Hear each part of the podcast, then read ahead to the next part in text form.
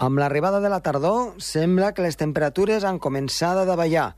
Ara bé, ens falta molta precipitació. Hi ha una situació de precipitacions per sota del que és habitual en aquesta època de l'any. I sembla que en els propers dies poca pluja tindrem. Comença el torn.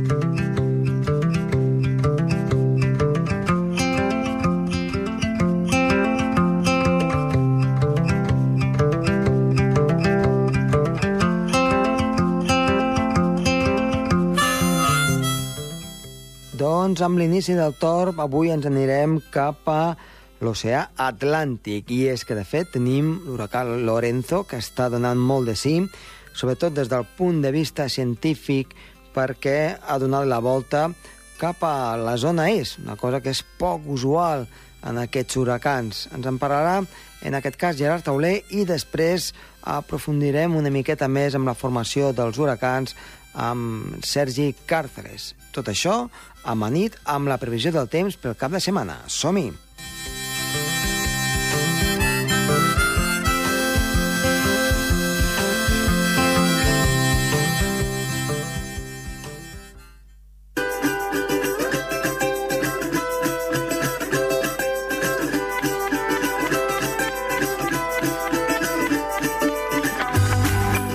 Iniciem el programa i parlem amb el nostre company amic, en Gerard Tauler. Gerard, bona tarda. Oh, bona tarda, Tomàs. Doncs a veure, les notícies meteorològiques eh, aquests dies estan a l'ordre, diguem-ne, de, del que és les notícies, diguem-ne, superdestacades i que volten per tot el món i en aquests darrers dies no n'és d'altre que l'huracà Lorenzo. Sí, l'huracà Lorenzo, que ha estat més intens de, de, de, de, de, de que hi ha registres, Uh -huh. Principis del segle XX, doncs de l'Atlàntic, i més intens i més a l'est. De, de categoria 1, segons l'escala Saffir-Simpson. Uh -huh. Es va dir que va arribar fins a categoria 5, puntualment. Sí, sí, sí, sí. A veure, perquè ens ho expliquis una mica als oients. Uh, dit així, dius, bueno, hi ha un huracà com tants que hi ha a l'Atlàntic, no? Però la característica que t'ho has dit ara així una mica per damunt i que ara vull que em detallis una mica més és que no ha fet un recorregut normal. No, no, no, no, no, no, no. Els huracans de, de, es desplacen, són el, el vent eh, que, que, que a nivells alts de la troposfera, que, que en el tròpic és de l'est i en canvi aquí a les nostres latituds és de l'oest. Uh -huh. I es desplacen des de... Normalment neixen a, a, a l'oest del Sàhara, cap a les illes del Cap Verd, a l'oest de l'Àfrica, l'Àfrica tropical, Sí?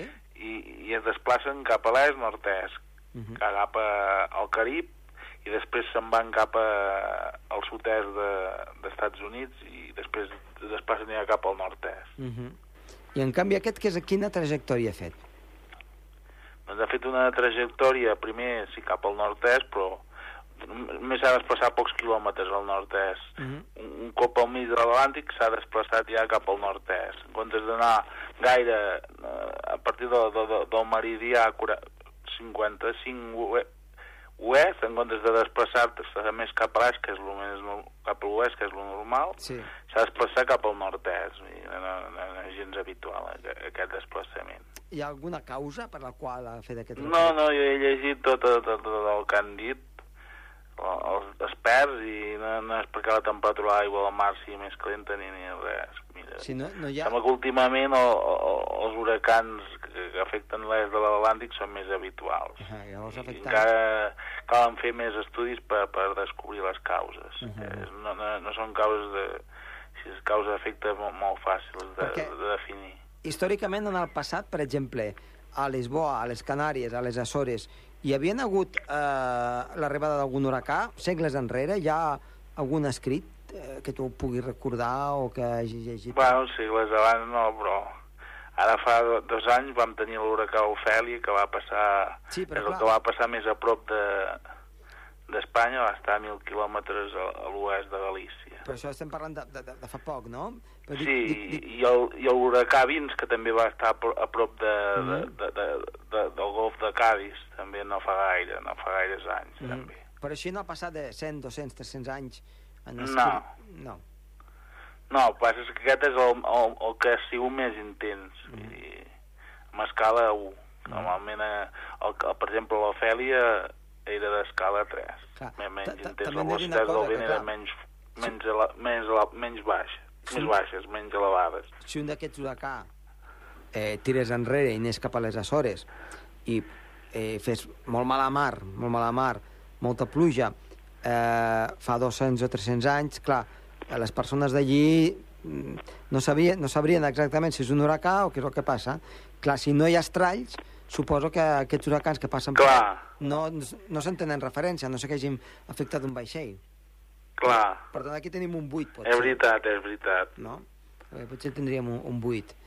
Escolta'm, eh, i ja per acabar una mica, eh, aquests huracans porten aire fred en alçada o, qui, o com, com, quina, No, quina no, la tenen un nucli càlid. Va, va sortir fa pocs dies a, a TV3 la temperatura que hi havia 500 hectopascals, Sí. són 5.600 metres, que normalment a les nostres latituds a, a, en sempre són inferiors a zero, Sí. amb l'excepció de, de, de les Illes Balears, que fa pocs anys va ser de- d'algunes dècimes per sobre zero, Mhm. doncs eh, en aquest huracà la temperatura era superior a zero. Vull dir que es té un nucli càlid, la temperatura és, és superior a 0 graus, Mhm. a 5.600 metres. D'acord, d'acord. Això és una mica doncs, que ajuda tot plegat, juntant amb, Sí, sí, amb la sí, temperatura sí. del mar que es I després aquest huracà doncs, ha estat absorbit per, per, per, per, per, per, per la circulació general atmosfèrica de latituds mitjanes i s'ha transformat en borrasca tropical que està afectant doncs, Mhm. les illes britàniques Mhm. amb vents forts. Molt bé, doncs, eh, Gerard, ho anirem seguint i t'esperem la setmana vinent. Vinga, doncs fins la setmana que ve. Adéu-siau. Vagi molt bé. Adéu, adéu. Adéu.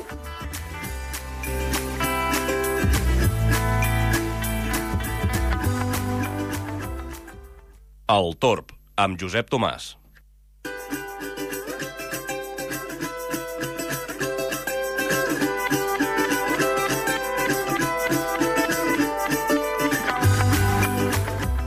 Continuem amb el tema que avui hem encetat amb en Gerard i ara anem a parlar amb en Sergi Càrceles. Sergi, bona tarda. Hola, bona tarda. Doncs bé, avui el, el tema és aquest huracà Lorenzo, que doncs, es va passejant en direcció contrària, podríem dir, el que és habitual, i el Gerard ens ha fet 5 cèntims de la situació, cap on ha anat, però després de saber-ne una mica, diguem-ne, eh, la més rabiosa actualitat, el que ara volem saber és aprofundir una mica més en, en què és un huracà i els diferents llocs on, on es formen i el, i el motiu al qual eh, per què es formen. Eh, per on vols començar, Sergi? Doncs mira, començarem parlant de com es formen aquests huracans o què són. I és que molta gent eh, té el costum de eh, pensar-se que els huracans és una cosa molt semblant als tornados, Mm? i és una cosa molt diferent, perquè els tornados estem parlant de mànegues d'aire eh, d'extensió bastant petita, com a molt d'un quilòmetre, i que tenen velocitats molt elevades. Els huracans estem parlant de mesociclons, estem parlant de borrasques molt potents que eh, al girar, eh, sobretot en el centre d'aquesta borrasca, hi ha vents tan intensos que fa que no hi hagi núvols, i és que allà la pressió atmosfèrica és molt baixa, tan baixa que és molt fàcil eh, detectar-los no només a vista de satèl·lit, sinó també amb mapes sinòptics. Però eh, quina és la característica principal dels huracans? Sobretot és la seva gran grandària. I és que la majoria d'huracans, sobretot de força 5 i huracans de gran potència, poden ser tan grans o més com la península ibèrica. És a dir, poden tenir més de 1.000 quilòmetres de diàmetre, en extensions molt grans. Al final, com diem, són borrasques molt intenses i ja sabem que les borrasques tenen aquest tamany. Però a part, les dues altres característiques que tenen aquests huracans, una és la velocitat del vent, i és que quan més a prop estem de l'ull de l'huracà, més intensos són aquests vents, a excepció de si estem dins de l'ull, que allà no hi ha vent, però, a part, també són les pluges, pluges torrencials, que venen sempre lligades amb els huracans i que, doncs, clar, si ajuntem la pluja amb el vent, doncs eh, es formen aquests monzons, aquestes pluges torrencials que tantes destrosses fan. A part, també, si queda afectat un oceà o un mar amb aquest huracà, també fa que l'onatge sigui molt elevat i les onades puguin arribar fins als 10 metres d'alçada. déu nhi eh, Això és moltíssim, eh? És, Déu. Són un, un parell de pisos, eh? Sí, sí, la veritat és que hi ha huracans eh, que han arribat a aquestes alçades i més, però ara anem a explicar també una mica eh, com es formen aquests huracans. I és que eh, un paper molt important el juga la humitat, però també l'aire càlid. Uh -huh. I és que, sobretot, la gran majoria d'huracans es formen, sobretot, a l'oceà Pacífic i a l'oceà Atlàntic, primerament perquè són oceans molt grans, hi ha una gran quantitat d'aigua, per lo que també es genera una gran quantitat de vapor d'aigua, però és que a part també, per exemple, al golf de Mèxic o a l'oceà Pacífic, en algunes zones de l'oceà Pacífic, eh, les aigües són molt càlides. Allà fa que el vapor d'aigua sigui eh, molt més intens i llavors, igual que passa aquí en el Mediterrani, però evidentment a molta major escala, quan hi ha molt de vapor d'aigua i una gran calor i aquest oceà o el mar Mediterrani està molt càlid, és quan es formen aquestes tempestes que sobretot afecten a l'estiu i a la tardor. Doncs ens hem d'imaginar això, però d'una forma molt més exagerada i a part en zones on normalment tampoc hi ha molt de relleu, i això també ajuda a que es vagin mantenint aquestes eh, formacions nuboses. Uh, estem parlant de depressions, com hem dit abans, són borrasques molt intenses que agafen molta energia i que en el seu epicentre les pressions atmosfèriques poden arribar als 960, 950, 940 hectopascals. Uh, són zones eh, molt inestables que formen molta pluja i a, a les zones que hem dit que es formen més, sobretot doncs, és en el golf eh, de Mèxic, també en l'oceà Pacífic, però hi ha altres zones, com per exemple a l'oceà Índic, que també se formen segons en quines èpoques de l'any. Estem parlant d'èpoques eh, aproximades a l'estiu, a la tardor també. En canvi, a l'hemisferi sud es generen més per la zona de l'hivern, la zona de la primavera, també varia segons l'hemisferi que estiguem parlant. Una curiositat, i és que els huracans a l'hemisferi nord giren en direcció antihorària, uh -huh. evidentment, igual que giren les borrasques. En canvi, en l'hemisferi sud, els huracans giren de forma diferent, giren en direcció horària. Això té a veure doncs, eh, la circulació general atmosfèrica que doncs, ajuda que es faci d'aquesta forma. Uh, què més hem de dir? Doncs que uh, hi ha diferents tipus de classes, huracà sí? de tipus 1, 2, 3, 4 fins a 5, depenent de les velocitats del vent sí? i també de les destrosses que causen. Però abans de les uh, borrasques, de, uh, perdó, abans de les, dels huracans, també s'han de classificar dues altres coses. Una és la depressió uh, tropical, la uh mhm. -huh. depressió profunda, perdó, i després també la tempesta tropical. Uh mhm. -huh. I és que al final uh, tot, eh, els huracans no sorgeixen així del no-res. Ja. Primer, primer comencen sent una depressió, una depressió profunda, després es converteixen en tempestes tropicals i la pluja és molt intensa i els vents comencen a augmentar, però no es considera huracà fins que no es veu un ull. Això uh mhm. -huh. hem de tenir-ho ben clar, i és que a vegades hi ha pluges molt intenses, sí. veient com gira la borrasca, etc. però com no hi ha un ull present en el centre de la borrasca, llavors no es pot considerar huracà. Ja, quan comença a haver un ull, ja podem començar-ho a classificar amb huracà de força 1, 2, 3, 4, fins a 5. Què més? Una última cosa a comentar d'aquest huracà, l'huracà uh -huh. Lorenzo, i és que hem de dir que l'any passat, si te'n recordes, vam parlar d'un altre huracà. Sí. I és que ara sembla que els huracans volen intentar visitar casa nostra o almenys aproximar-se. Uh, L'any passat va haver un altre huracà, que molts ja, ja coneixem, i que, per sort, en aquest cas, uh, va passar per les Astores, va, va passar per les Canàries, però quan s'aproximava cap a la península ibèrica, en aquell moment hi havia un anticicló de bloqueig justament a sobre, que el que va fer va ser de barrera, va evitar de que l'huracà pogués aproximar-se cap a la península ibèrica i es va desplaçar cap al Regne Unit i la zona dels Balcans uh, allà sí que van sentir més les causes no, d'aquest huracà, encara que ja era en forma de tempesta tropical i de depressió. Ara doncs, hem d'estar alertes, aviam com avança aquest huracà, i també amb l'anticicló, aviam si apareix algun anticicló de bloqueig que pot eh, parar-lo, o potser canvien els règims de vents i directament ni arriba a la península ibèrica, sinó Mhm. que es queda a, a l'oceà. Ara mirarem com evoluciona la cosa. Uh -huh. I, a part, um, quan parlem dels huracans, eh, no tenen... Bueno, això ho hem dit moltes vegades, eh? Però no tenen el mateix nom, en, depèn del lloc del món en, què, en, en, en el qual el trobem, no? Correcte, correcte. Per exemple, nosaltres aquí diríem huracà, però Mhm. després hi ha altres zones, com per exemple a l'Àsia, que se li diuen tifons, no m'equivoco malament, es diuen tifons, Sí. però també eh, se li poden dir d'una altra forma. Recordes quina era? Eh, era mm, Willy Willy? Em sona cap a la zona d'Oceania o així? Sí, se li diu més o, menys, més, o- més o menys així, però sobretot es fa servir aquestes dos, eh? el tifó Uh -huh. i l'huracà. Sí. Són les dos, les dos eh, formes que es pronuncien més, Uh -huh. uh, però al final és el mateix. Únicament, l'única diferència és d'on s'estigui parlant. A l'hemisferi sud has comentat que, evidentment, giren en el sentit anti, antihorari, a les agulles del rellotge. Sí?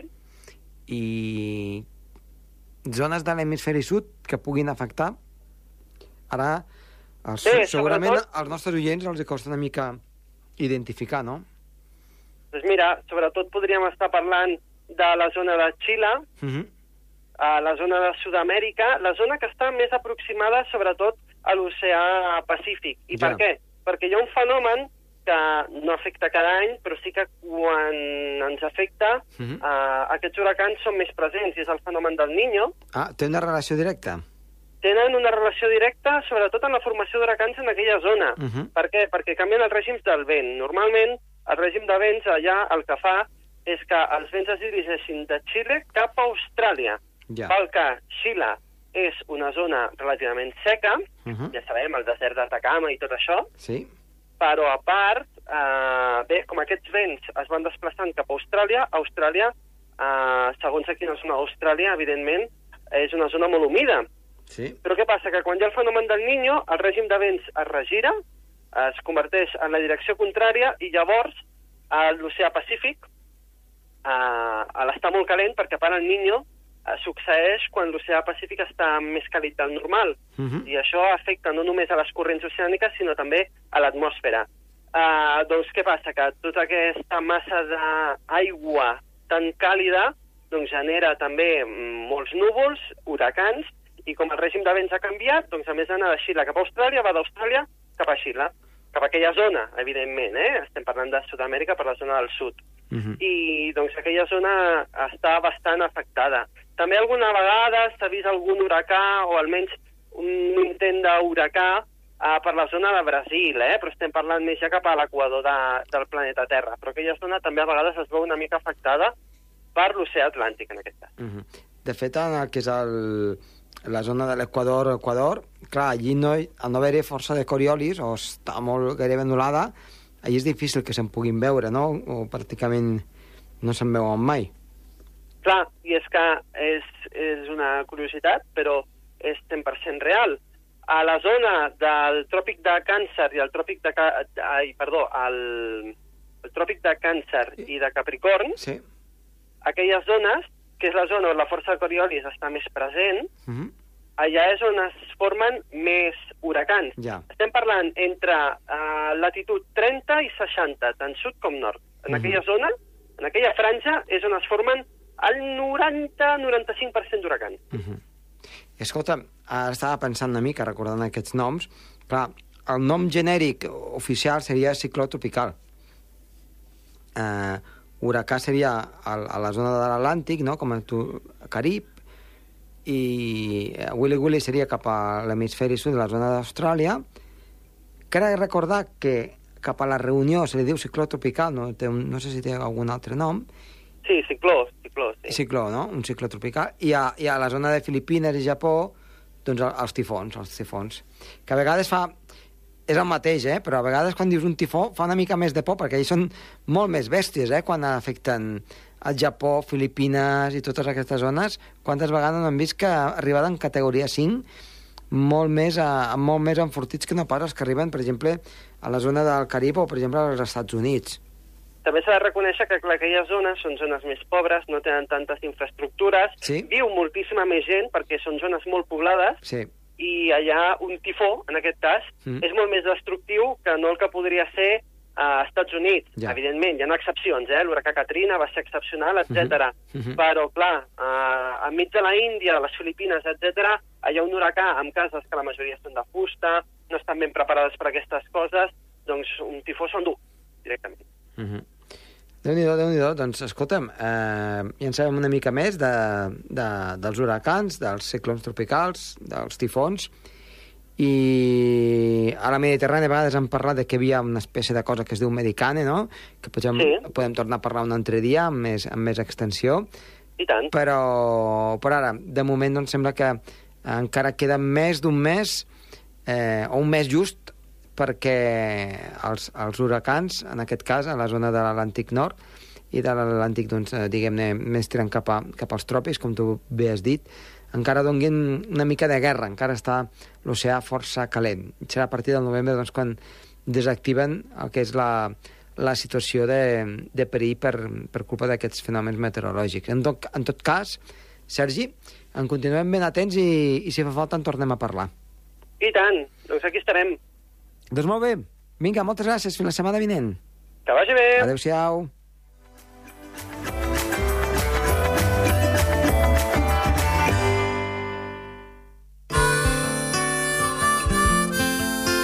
El Torb, amb Josep Tomàs.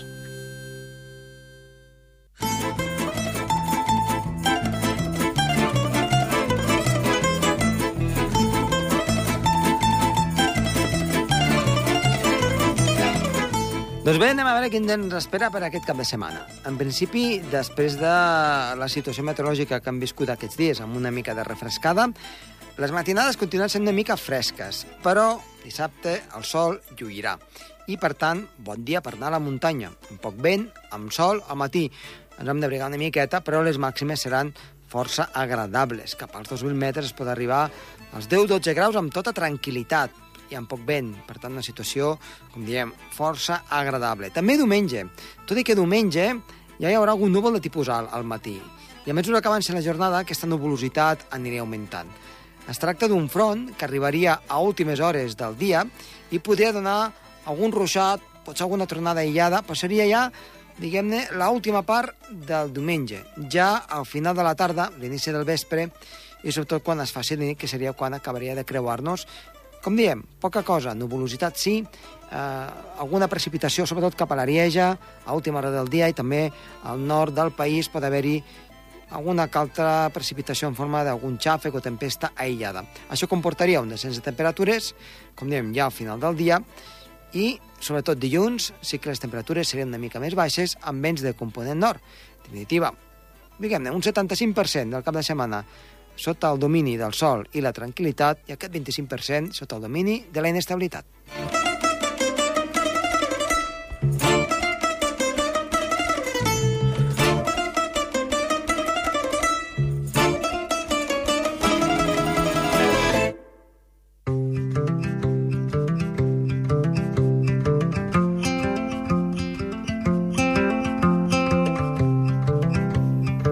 Doncs bé, acabem el programa d'avui. Esperem que els hi hagi agradat. Ha estat de les vies de so el nostre company, en aquest cas el Toni Escur, i també, per darrere, veiem el Ricard Porcuna, que també doncs, ha estat ajudant una miqueta en el programa i que els ha parlat de molt de gust. Josep Tomàs, adeu-siau.